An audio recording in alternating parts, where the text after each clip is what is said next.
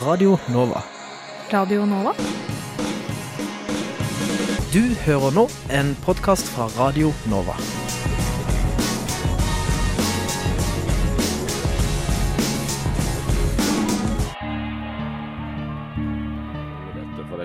For det hadde vært siden eh, Noam Chomsky etablerte den greina lingvistikken som, som jeg befinner meg i. Vi håper jo på bredest mulig oppslutning om SV, og jeg tror at det eneste som kan få norsk løsner båndene mellom staten og kirka, og forhåpentligvis fører til tettere bånd mellom kirka og folk. Altså, hadde de gjort som andre fjøringsbevegelser i verden, hadde de helt legitimt kanskje tatt i våpen. Og, og så direkte skildring av menneskeskjebner tror jeg ikke vi har sett eh, i noen annen nyhetsdekning av noen annen terroraksjon. Det er eh, såpass store forskjeller mellom den kalde krigen, hvor det var to supermakter som sto mot hverandre, eh, og den situasjonen her i dag.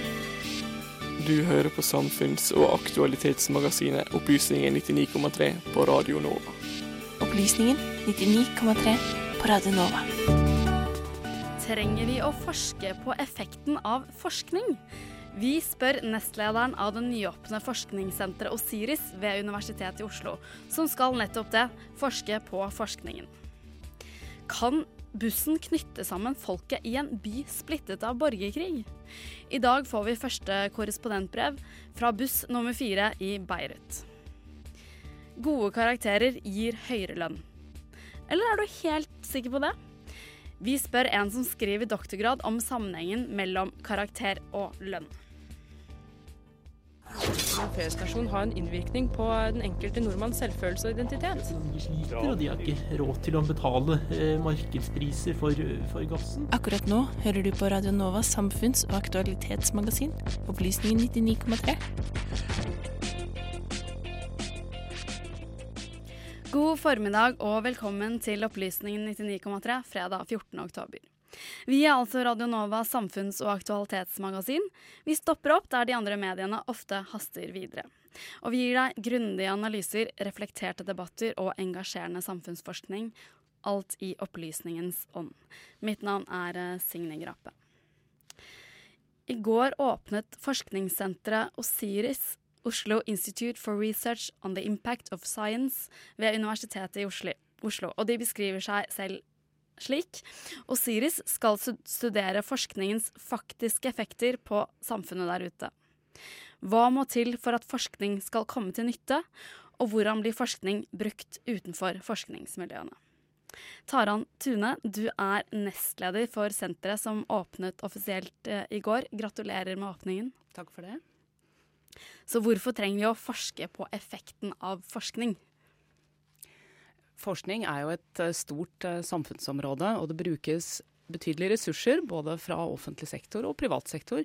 Over 50 milliarder kroner i året på forskning i dette landet, og selvfølgelig da milliarder i global setting.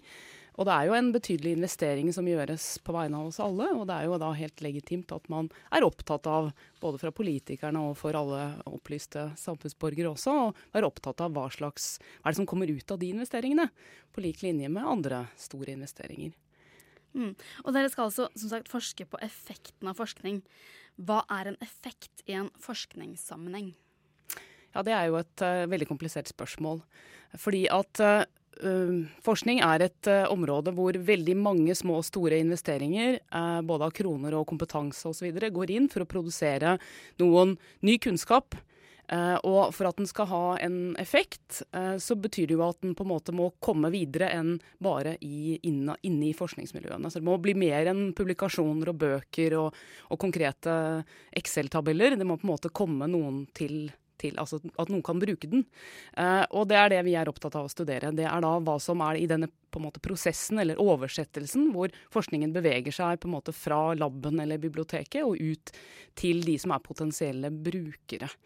Eh, og at den har en effekt, betyr jo eh, at den på, altså Det er mange forskjellige typer effekter. Det er jo ikke bare rene sånne økonomiske effekter. At du kan si at vi investerte så mange kroner og vi fikk så mye igjen. Det er jo bedrifter veldig opptatt av. Men for, for, uh, for oss er det jo også bredere samfunnseffekter som er viktig. Uh, det kan være det at man uh, altså at har, forskning kan ha betydelig påvirkning på medisinsk behandling, hvordan vi ordner samfunnene våre, oppfatning av problemer i verden osv. Dette er jo også da effekter av forskning som er vel så viktige som de rent økonomiske. Så vårt mål er å prøve å se på disse tingene i sammenheng. Om det er en sammenheng eh, mellom brede effekter, som ikke nødvendigvis kan telles like lett, og økonomiske effekter. Men er effekter da det samme som nytte? Eh, på sett og vis eh, så er det jo Uh, Nytte er jo ofte noe vi bruker som at, at det kommer konkret en, en viss sett med aktører som kan bruke den kunnskapen.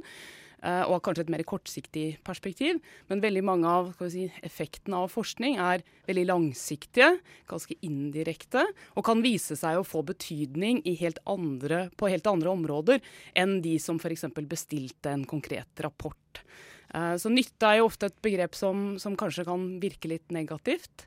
Uh, men når vi tenker nytte eller bruk eller anvendelse, så ser vi jo ikke nødvendigvis bare på at at de som på en måte hadde et konkret behov, fikk dekket sitt behov, og ferdig med det. Men nettopp at det kan være altså, verdier som har eh, lengre effekter da, eller lengre påvirkning enn en, eh, at den svarte på et konkret behov. Det betyr jo f.eks. altså at veldig mye, veldig så mye grunnforskning har nytteeffekter. Eller altså den har jo effekter, men den er ikke, vanligvis ikke å regne som at den er spesifikt nyttig for en helt definert sett med aktører.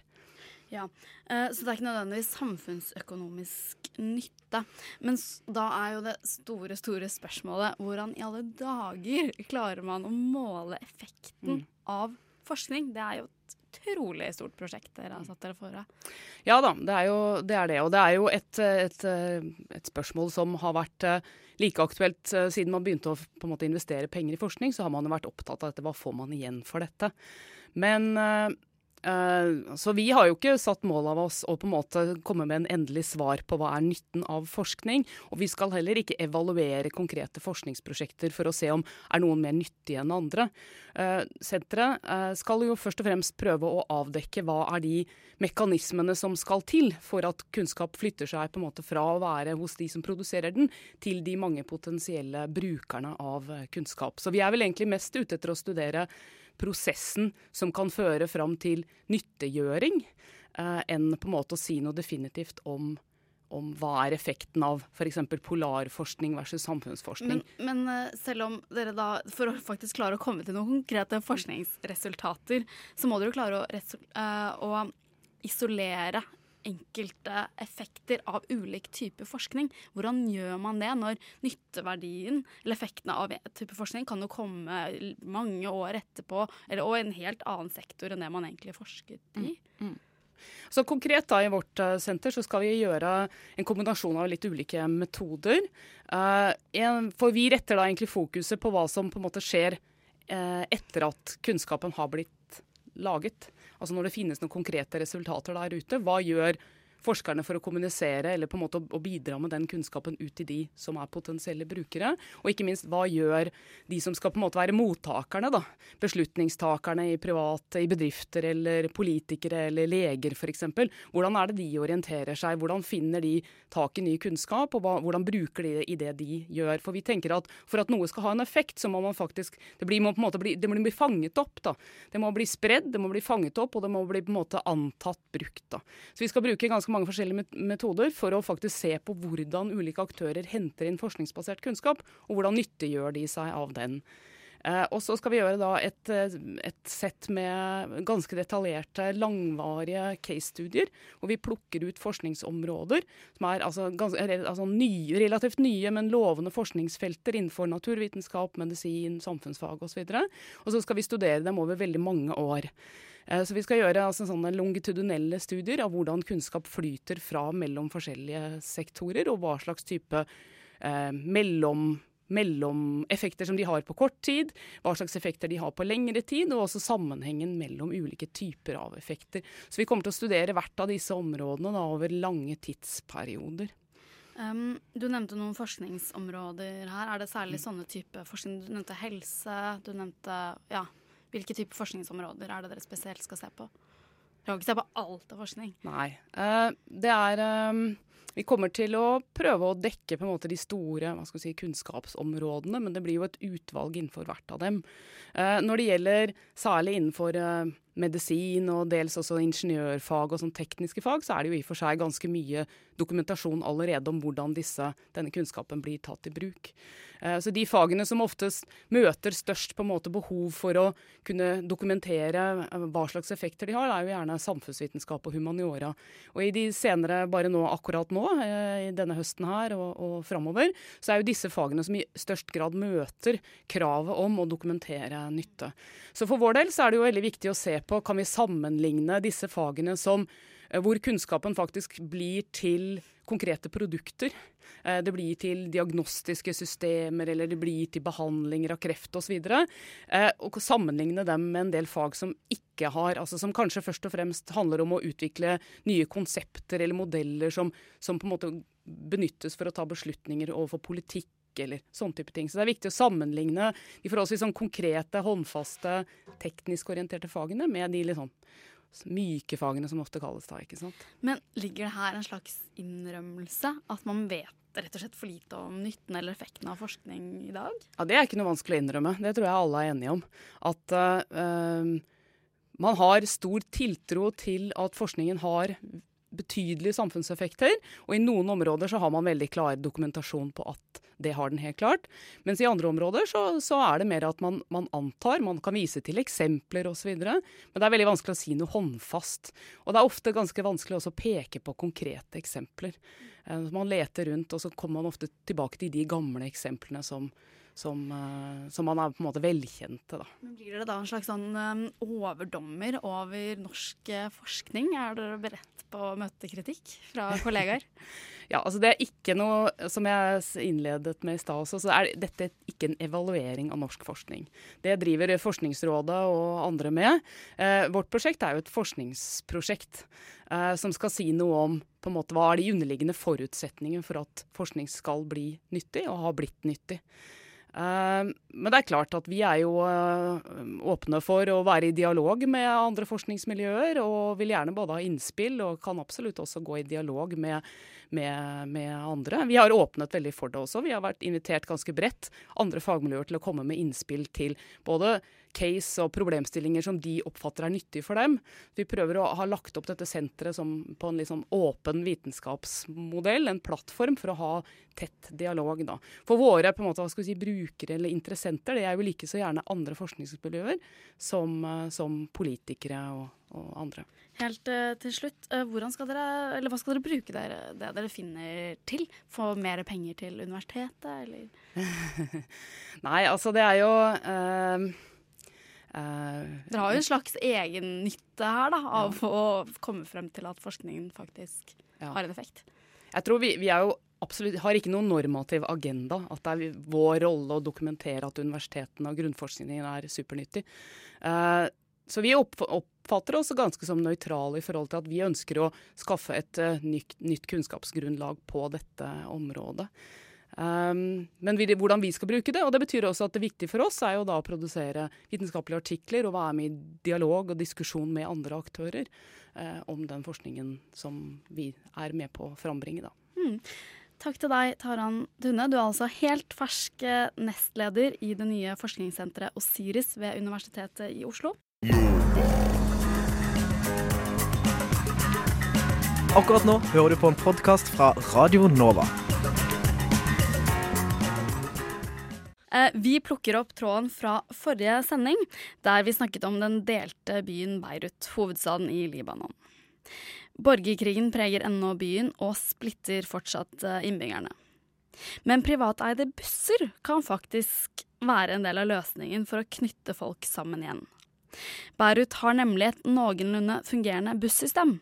Men det er likevel delte meninger om man skal bygge videre på den private modellen eller innføre mer statlig organisering og regulering av kollektivtrafikken. Vi hopper på bussen med vår Midtøsten-korrespondent Rebekka Handeland.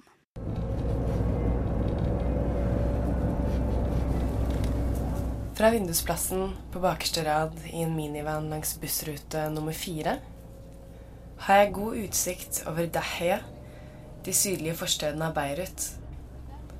Det varmes opp til Ashura, høytiden der sjiamuslimer på den tiende dagen sørger over imam Hosseins martyrdød ved Karbala i år 680.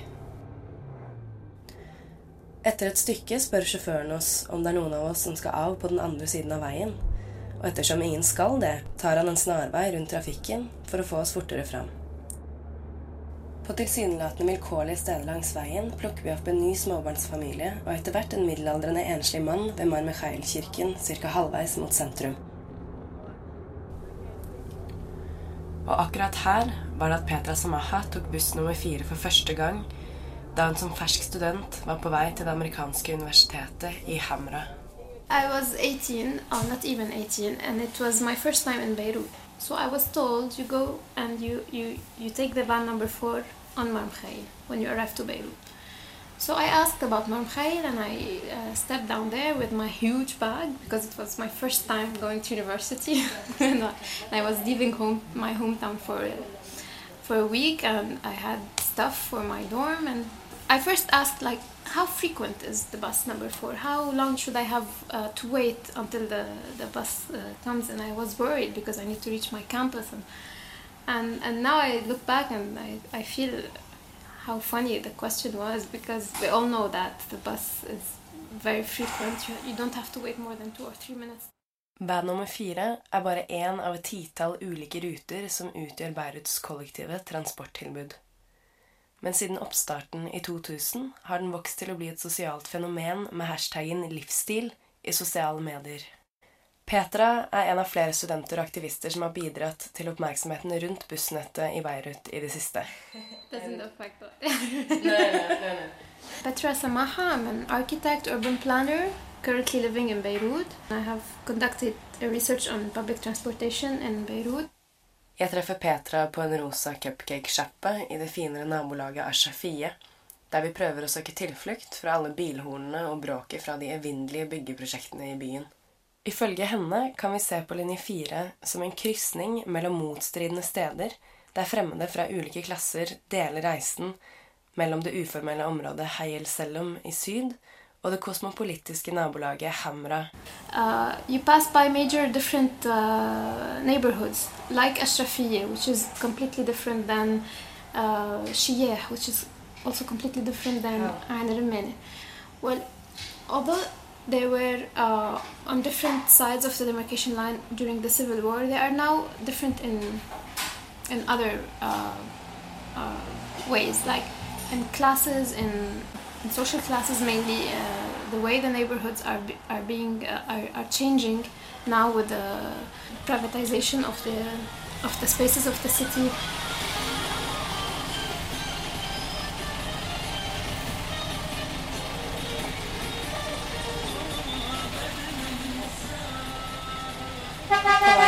sentrum igjen kommer jeg i snakk med Ahmed, en 25 år gammel student som tar bussen til Hamra for å treffe vennene sine. Selv om staten har minimal innflytelse på det nåværende systemet, mener Ahmed at bussene virkelig er offentlige, i den forstand at de er for alle, uansett klasse eller sekterisk bakgrunn. Han påpeker dog at de har et stort forbedringspotensial, noe jeg kan si meg enig i. Det jeg kaller buss, er strengt tatt en skranglete kasse som ljomer bortover motorveiene med dørene åpne. Passes.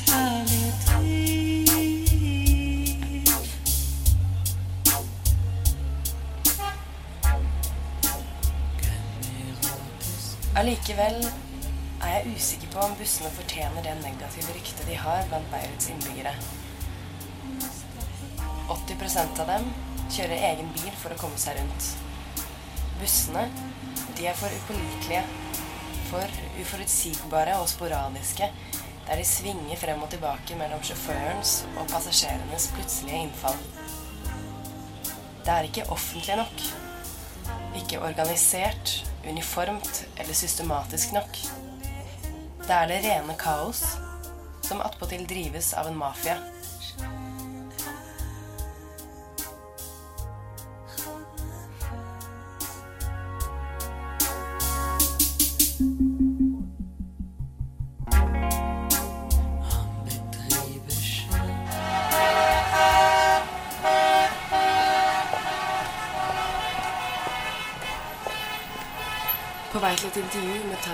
Med Tarek politiske alibi i denne historien, møter jeg på en parade av vans med nummer fire klistret på frontruten.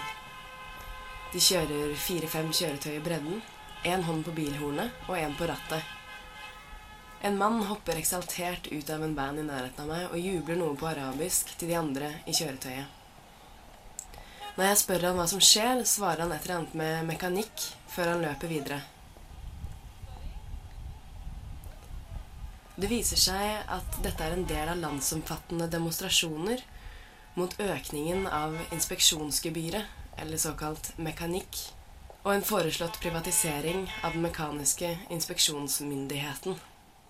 Eller They are demonstrating because someone somewhere didn't get his commission. This is my opinion, frankly. They'll eat me alive downstairs when they hear this, but They're not gonna hear it unless they listen to Norwegian radio. no, I would, I would have said that even for Lebanese radio. At Okay. least we have some freedom in this country to say what we want. Tarek er en av kandidatene til grasrotbevegelsen Berut Madinati, det siviliserte ansiktet til fjorårets omfattende demonstrasjoner under slagordet You Stink i forbindelse med søppelkrisen. So my name is uh, Tarek Ammar. I am a researcher in public opinion and marketing research.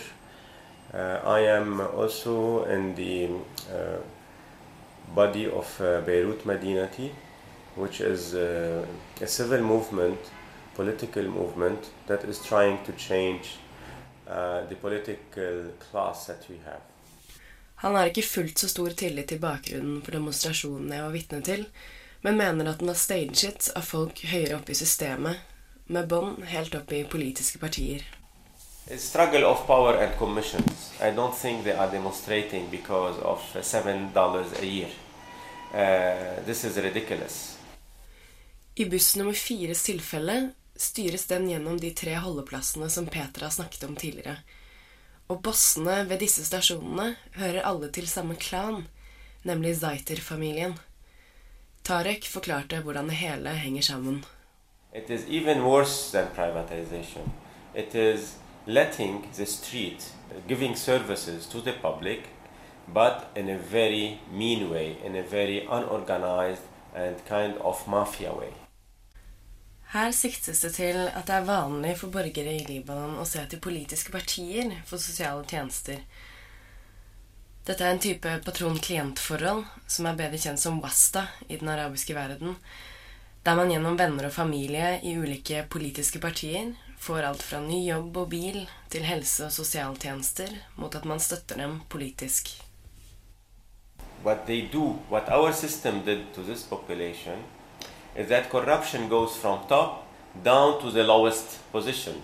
So the driver of the bus is really a, of number four is really a very very poor person who has also to give some services or commission to the protector to let him drive. So this is how our government runs the country. It runs it through gangsters of the uh, small, uh, you know, uh, neighborhoods. Men allikevel ønsker Tarek og Beirut Madinati å jobbe gjennom staten, fra sentralt hold, for å reorganisere og modernisere bl.a. transport. Mobilitet er faktisk det første av ti punkter som oppsummerer Beirut Madinatis politiske program. So we believe that public transport should be regulated by the government and by the municipality. We, we believe in Beirut Madinati. We have to deal with the fact that we have these existing buses. Uh, we will use them certainly, but of course you can organize them and regulate them. You can help them improve. And the idea is, without a regulator, you cannot do this. Dette kan jo virke som en selvfølge for mange norske lyttere, at offentlig transport reguleres og organiseres av staten. Men i Libanon er det standard at private og lokale aktører tar seg av mange av statens ansvarsområder.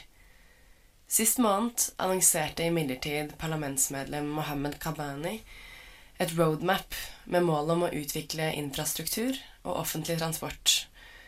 Tarek er imidlertid skeptisk til politikkelitens evne til å heve seg over intern maktkamp og finne løsninger som faktisk gagner befolkningen. Our uh, parliament is not interested or doesn't give priority to the needs of the Lebanese. They, de- they debate over their divisions, uh, they debate over who got which deal, they debate about the world power, but uh, the Lebanese uh, daily needs are put in the bottom of their uh, you know uh, priorities. So uh, unfortunately, without pushing this government and the parliament as well, things will not be done.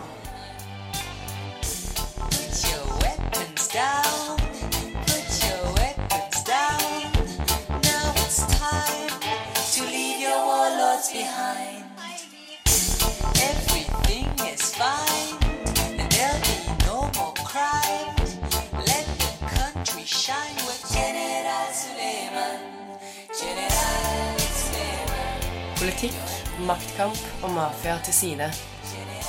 Det finnes dem som mener at det ikke er noen vits å vente på politisk reform eller en ny president.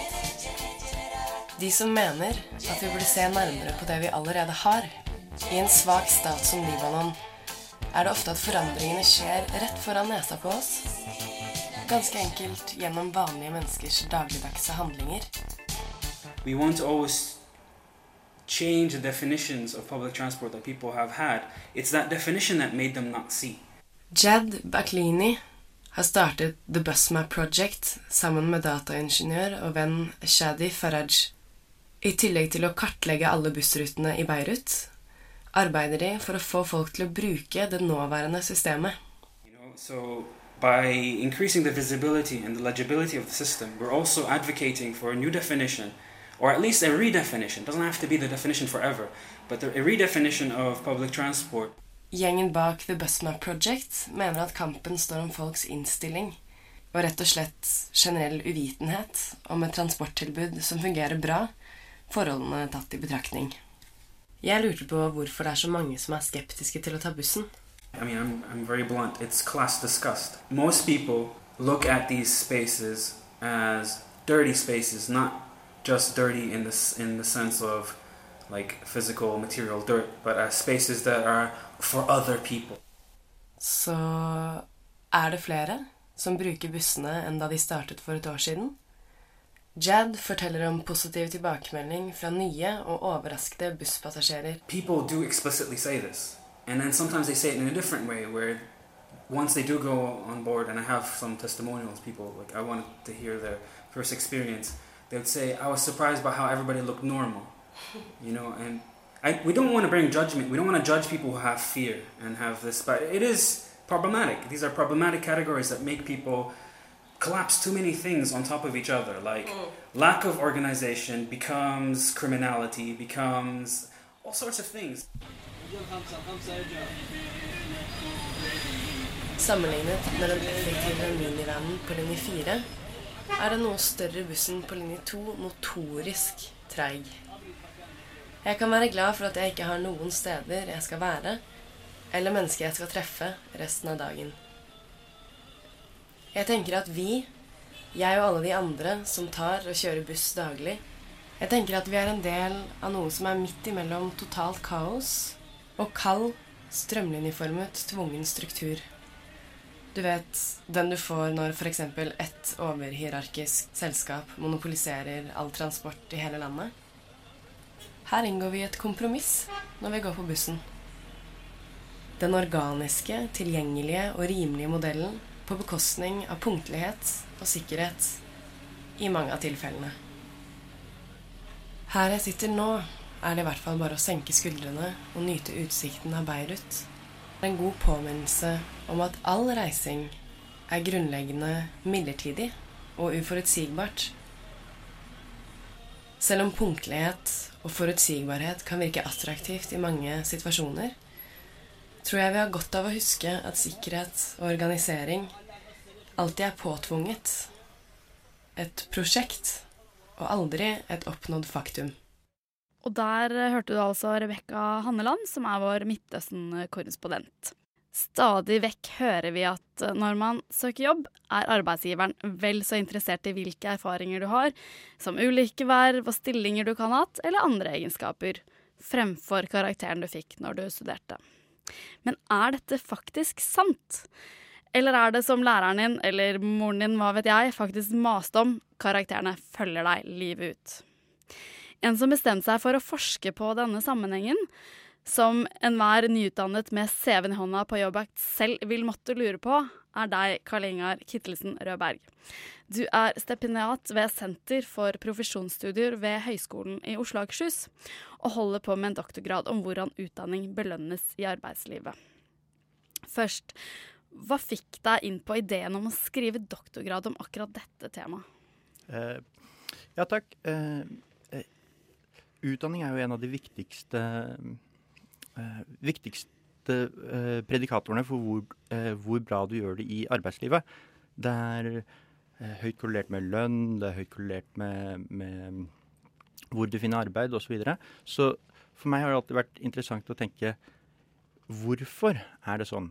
Altså, vi, vi, vet jo at at det er en stor investering. Gå tre til fem år på skolen, eh, universitet, høyskole. Men hva er det faktisk arbeidsgiver ser etter? Eh, hva er det som gjør at eh, det betaler seg for et samfunn å investere så mye i en person? Og da er, det er min, min doktorgrad. da handler om å se på de mekanismene som fører fra utdanning til bedre utfall på arbeidsmarkedet. Mm. Som sagt, Du skal se på da, utdanning som helhet, men du er ja. bare ett år inn i doktorgraden din. Så så langt har du kun sett på sammenhengen mellom karakterer og lønn. Uh, og du har sett på karakterene til alle uteksaminerte mellom 1990 og 2006 innen en mm. rekke utdanningsfelt. Hva har du funnet ut av? Ja, uh, Det vi fant, var at uh, karakterer korrelerer eh, korrelerer med høyere lønn og høyere sjanse for å finne arbeid. Noe som er to av de kanskje viktigste tingene for folk når de går ut og leter etter arbeid. Så vi fant at uh, en høyere karakter, altså et, et standardavvik høyere karakter, gir ca. 3,5% høyere lønn. Da. Noe som er en, om ikke kjempe, kjempehøyt, så i hvert fall en god del høyere enn enn hvis du har dårligere karakter, f.eks. et standardavvik under Eh, under gjennomsnitt. Så eh, det er en Karakter belønnes da på en, på en god måte. Samtidig som vi ser at eh, La oss si du er blant de som får best karakter. så har du rundt 1-2% sjanse for å være arbeidsledig når vi kontrollerer for en god del andre ting. Hvis du er blant de som har dårligst karakter, så har du 68% sjanse for å være arbeidsledig. Det er veldig interessant. Vi kommer tilbake til det med arbeidsledighet etterpå. Mm. Men, men, altså, lønnen stiger jo bedre karakterer man får, da. Så liksom ja. den er helt uh, lineær. Eh, de modellene vi har testa, er lineære i utgangspunktet. Så vi har ikke eh, Det er grunn til å tro at en eh, lineær fremstilling er en ganske god fremstilling av sammenhengen mellom karakterer og lønn. Eh, det er selvfølgelig mulighet for Man kunne ha sett på andre typer modeller, men for oss så var det Vi var interessert i den lineære sammenhengen, da. Mm. Men er det da, som jeg innledet med, er det da en myte at erfaring eh, også teller? Altså Vi for eksempel, som bruker altfor mye tid i denne, dette radiostudioet, tenker jo mm. liksom at jeg kanskje kan få noe igjen for det en eller annen gang, men det er feil, det da? Nei, det er veldig riktig. Uh, erfaring uh, Nå kan man jo måle erfaring på mange, mange måter, men f.eks. arbeidserfaring er en av de viktigste uh, viktig, viktigste predikatorene for høyere lønn. Altså de første årene du jobber, stiger lønnen din eh, relativt mye. Da. Så, så, det er helt klart at den erfaringen du får gjennom enten å være i arbeidslivet, og kanskje også på, på, studieaktivitet ved siden av studiene eh, Unnskyld. Eh, ja, eh, andre aktiviteter ved siden av studiene, kan være veldig, veldig viktig i arbeidslivet. Eh, vi har ikke testa på karakterer opp mot noe annet. Uh, så, så, jeg kan ikke svare direkte på hva som er viktigst. Uh, det eneste jeg kan si, er at uh, karakterer er høyt korrelert med lønn. da. Men er det egentlig en nyhet Altså er det egentlig en nyhet at både å ha bra karakterer og ha bred erfaring er fordel for å få god lønn? Er det en nyhet? innenfor forskningsverdenen så er et relativt kjent. Altså det er flere studier som har sett på dette. vår studie ser på under hvilke forhold er det du får ekstra godt betalt. Eh, F.eks. så er det sånn at innenfor noen, uh, noen, uh, noen uh, type fag så får du nesten ikke betalt for, for, høyere, for, for bedre karakter. Mens i andre så er det en veldig stor, stor belønning da, for, for høye karakterer. Men ja, Du sier at det er store forskjeller på Mm. hvordan man avlønnes eh, i ulike deler av arbeidsmarkedet. Men Mm. er det ikke da det enkelte arbeids, den enkelte delen av arbeidsmarkedet den enkelte havner i, som er avgjørende for lønna, og ikke karakteren i seg selv? Er ikke det liksom bare karakterene bare ja, Eh, ja, du er inne på noe viktig der. Eh, karakterer er viktig, men hvilke At du i det hele tatt valgte utdanning, eh, og hvilket felt du eh, velger, er selvfølgelig de, eh, de, de viktigste valgene du tar. Senere når du velger hvor mye du vil studere, eh, når du viser hvor flink du er på studiet gjennom, eh, gjennom f.eks. målt på ved karakterer, så, så er ikke det de viktigste, viktigste viktigste predikatorene for, for god lønn. Det, det er helt riktig. Det er forskjellen mellom, mellom sivilingeniører og kanskje noen, noen, noen andre type, type fag er mye høyere enn forskjellen innad blant sivilingeniører når det kommer til karakter. Mm. Så, så det har du helt rett i.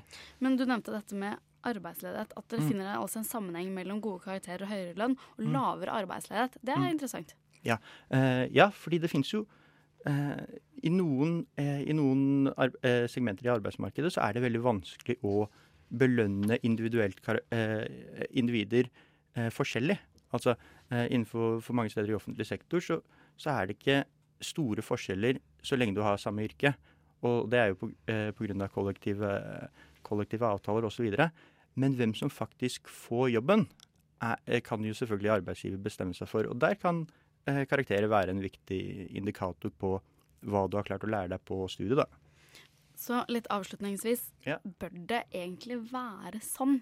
Er egentlig karakterer en eh, god, måle god måte å måle gode ansatte på? Det er jo et eh, veldig godt, eh, godt spørsmål. Jeg tror så lenge vi ønsker å belønne utdanning, og så lenge karakterer har en korrelasjon med hvor bra du faktisk gjør det på studiet, så kan det være hensiktsmessig å faktisk skille mellom kandidater på, på karakterer. Men jeg skal ikke si noe om i hvilken grad karakterer reflekterer det du lærer på studiet, og i hvilken grad det reflekterer hvor produktiv du er senere i arbeidslivet. Det er et veldig vanskelig spørsmål. Så vi kommer altså ikke utenom det. Det har noe å si eh, hvordan vi gjør det på eksamen eh, om noen få uker, kanskje måneder. Eh, Tusen takk til eh, deg, Karl Ingar Kittelsen Rødberg. Du er altså stipendiat ved Senter for profesjonsstudier ved Høgskolen i Oslo og Akershus.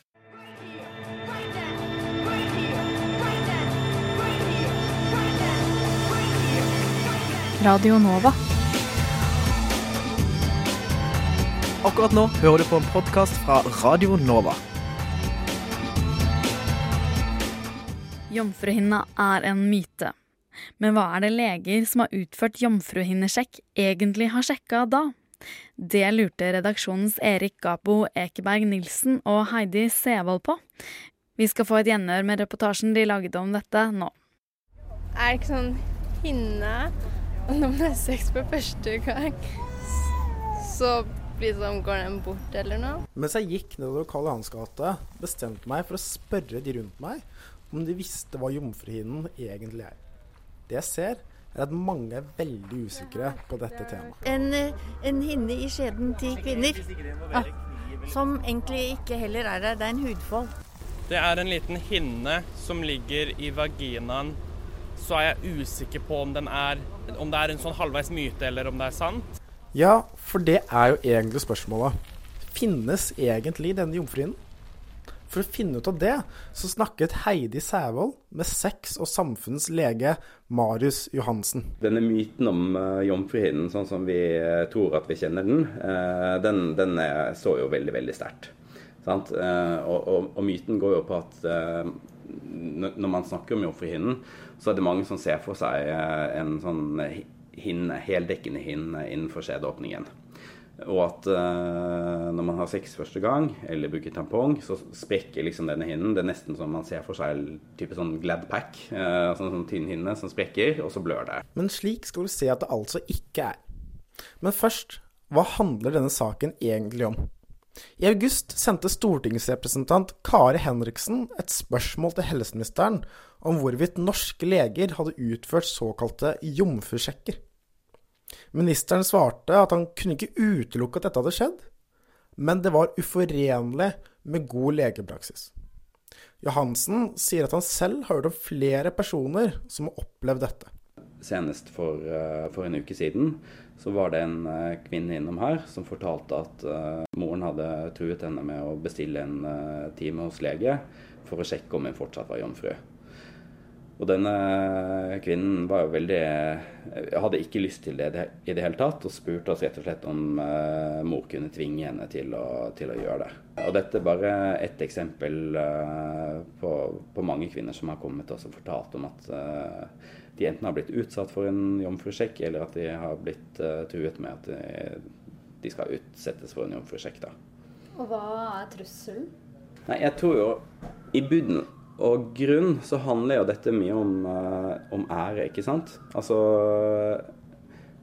Det handler jo ikke bare om eh, kvinnen selv som eh, skal være jomfru. Det handler jo litt om at kvinnen også indirekte representerer hele familien sin. Og det at hun er jomfru, det er en veldig ærbar ting for hele familien.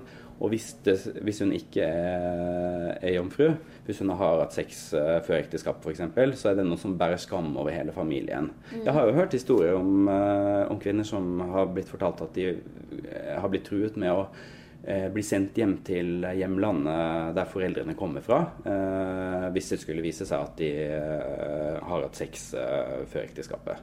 Denne jomfrutesten er altså veldig viktig for de som ønsker den. Men kan den egentlig si om personen er jomfru? Og hvis ikke, hvorfor velger legen å gjennomføre den? Eh, Når en kvinne kommer til legen, så vil denne legen eh, eh, gjøre en gynekologisk undersøkelse. Vil si at legen, pasienten sitter i en gynekologstol, og så vil legen se på underlivet, ta kjønnsleppene fra hverandre, og så det man feilaktig tror, da, det er at legen da kan se om det er en jomfruhinne som er skadet eller ikke. Og sånn fungerer det jo ikke. Og hvorfor noen leger gjør dette, eh, er jo et annet veldig godt spørsmål. ikke sant? Eh, Jeg tror nok at mange leger har eh, gått med på å gjøre undersøkelser av kvinner, og så eh, skriver de en attest på at kvinnen ikke har hatt sex. Selv om det er medisinsk umulig å, å, å skulle, si, skulle si noe sånn. Eh, rett og slett fordi at de tenker at de kan hjelpe kvinnen ut av en eh, veldig vanskelig situasjon. Har du vært borti noen tilfeller hvor de har skrevet noe annet? Nei, det har jeg ikke hørt om, faktisk. Det har jeg ikke hørt om. Så det er på en måte forklaringen på at norske leger går med på dette her, som virker litt absurd for oss i Ja, utgangspunktet. Ja, jeg tror, jeg tror at eh, legene rett og slett gjør det for å gjøre kvinnen en tjeneste. Men det de samtidig også gjør, de, de gjør jo en meningsløs undersøkelse. Og hvis eh, det er snakk om en ung kvinne, eller uansett om kvinnen ikke vil, så er det også et overgrep. eh, For da gjør man eh, en undersøkelse som er unødvendig, og som kvinnen ikke ønsker. Og så gjør man på en måte hele samfunnet en bjørnetjeneste, fordi man eh, er med på å gjøre en handling som eh, sementerer denne her eh, myten om at jomfruhinnen finnes, og at man kan se, se på Man kan undersøke en kvinne og se om hun har hatt sex eller ikke. Og det er jo feil. Vi er jo ikke så glad i å kalle, kalle det for jomfruhinne. Det fins et medisinsk ord som heter hymen, som er det medisinske ordet på jomfruhinne. Og det er vi heller ikke sånn superglad i, så, så det vi gjerne sier her på, på Sex og samfunn, det er skjedekransen. Det som er veldig eh, absurd, det er at hvis man slår opp i medisinske oppslagsverk og medisinske leksikon osv., så, videre, så kan man fortsatt lese om uh, jomfruhinne. Man kan fortsatt lese om deflorasjon, og det er le- legebegrepet på at penis trenger inn og sprenger hull på jomfruhinnen, og at det blir en blødning første gang man har sex. Så disse mytene sant, de lever jo i beste velgående videre også i, eh, i litteraturen, eh, i medisinsk litteratur. Dessverre. Som myteknusing, ja, det må jo til eh, i det offentlige rom, sånn at du og jeg og alle andre får vite om det. Men det må jo også i aller høyeste grad inn i eh, eh, utdanning og undervisning av helsepersonell. Og så må vi få rettet opp i disse gamle mytene i bøker og oppslagsverk. Mm. Og det at man nødvendigvis blør første gang man har samleie, det er jo også en annen myte. Eh, For det viser seg at eh, sånn er det ikke. Det er gjort litt forskning på det, ikke mye faktisk. Men eh, de, de eh, få undersøkelsene som er gjort, de viser at noe sånn som mellom 40 til 55 ca. Eh, har eh, blødd første gangen de har hatt samleie. Eh, og det viser jo at det faktisk kanskje er vanligere å ikke blø enn å blø første gangen du har samleie. Og så, så har man prøvd å, å finne ut uh, hva er årsakene da, til at noen blør første gang de har samleie. Og det er nok uh, ganske sammensatt. Men vi vet jo at noen jenter blør første gangen de har sex. Om dette ikke er jomfruhinnen, hva er det i så fall? Eh, veldig mange som skal ha sex for første gang, de eh, kan grue seg, eller de kan eh, spenne seg, sånn at de kanskje ikke blir eh, ordentlig seksuelt opphisset. Og at ikke de blir våte nok. Og da blir det friksjon, ikke sant. Da vil det bli små, små rifter og skade i skjeden. Og de kan blø. Og det kan like gjerne være et annet sted i skjeden som akkurat uh, i skjedekransen. Uh, så det er ikke sånn at det nødvendigvis er det vi kaller jomfruhinna eller skjedekransen hvor blødningene kommer fra. Det kan også bli små rifter andre steder. Så det er veldig mange ulike årsaker til at man kan ha blødning første gang man har samleie. Eh, samtidig som det kanskje er enda vanligere å ikke ha blødning ved første samleie som å ha blødning. Så der har vi altså svaret. De fleste kvinner vil ikke blø første gang de har sex, og gynekologisk er det ingen måte vi kan sjekke hvorvidt en jente er jomfru eller ikke. Hva kan vi så fall gjøre for å bli kvitt denne myten? Dette er en enormt gammel kulturell oppfunnet uh, illusjon om jomfruhinnen, som bare har fått leve videre kjempelenge. Og det er mange som snakker om jomfruhinne. Eh, og vi her på Sex og Samfunn har snakket om eh, jomfruhinne i mange år. Men vi har slitt litt med å nå ut med budskapet. Og i kjølvannet av eh, denne saken, denne kronikken på NRK Ytring, der det nå ble satt søkelys på det igjen, så var det en gyllen anledning for oss å, å, å, å snakke, snakke om det på nytt. Men det, men det, er mange myter som lever videre i samfunnet. sant? Også fra Bibelen og, og religiøse historier og gamle oppfatninger som har vært holdt for, som en sannhet. sant? Sånn at det, det tar litt tid bare å, å endre på det. Ja, for det, dette er jo også vår egen kultur her i Norge. Ja, absolutt. Det er det jo. Vi skal ikke så langt tilbake før, uh, for det å være jomfru var ekstremt viktig i Norge også. Et sted må man begynne. Og jeg tenker at der vi har kommet nå i 2016, så er det på en måte på tide en gang for alle å bare knuse denne myten om, om jomfruhinnen. At den ikke får leve videre.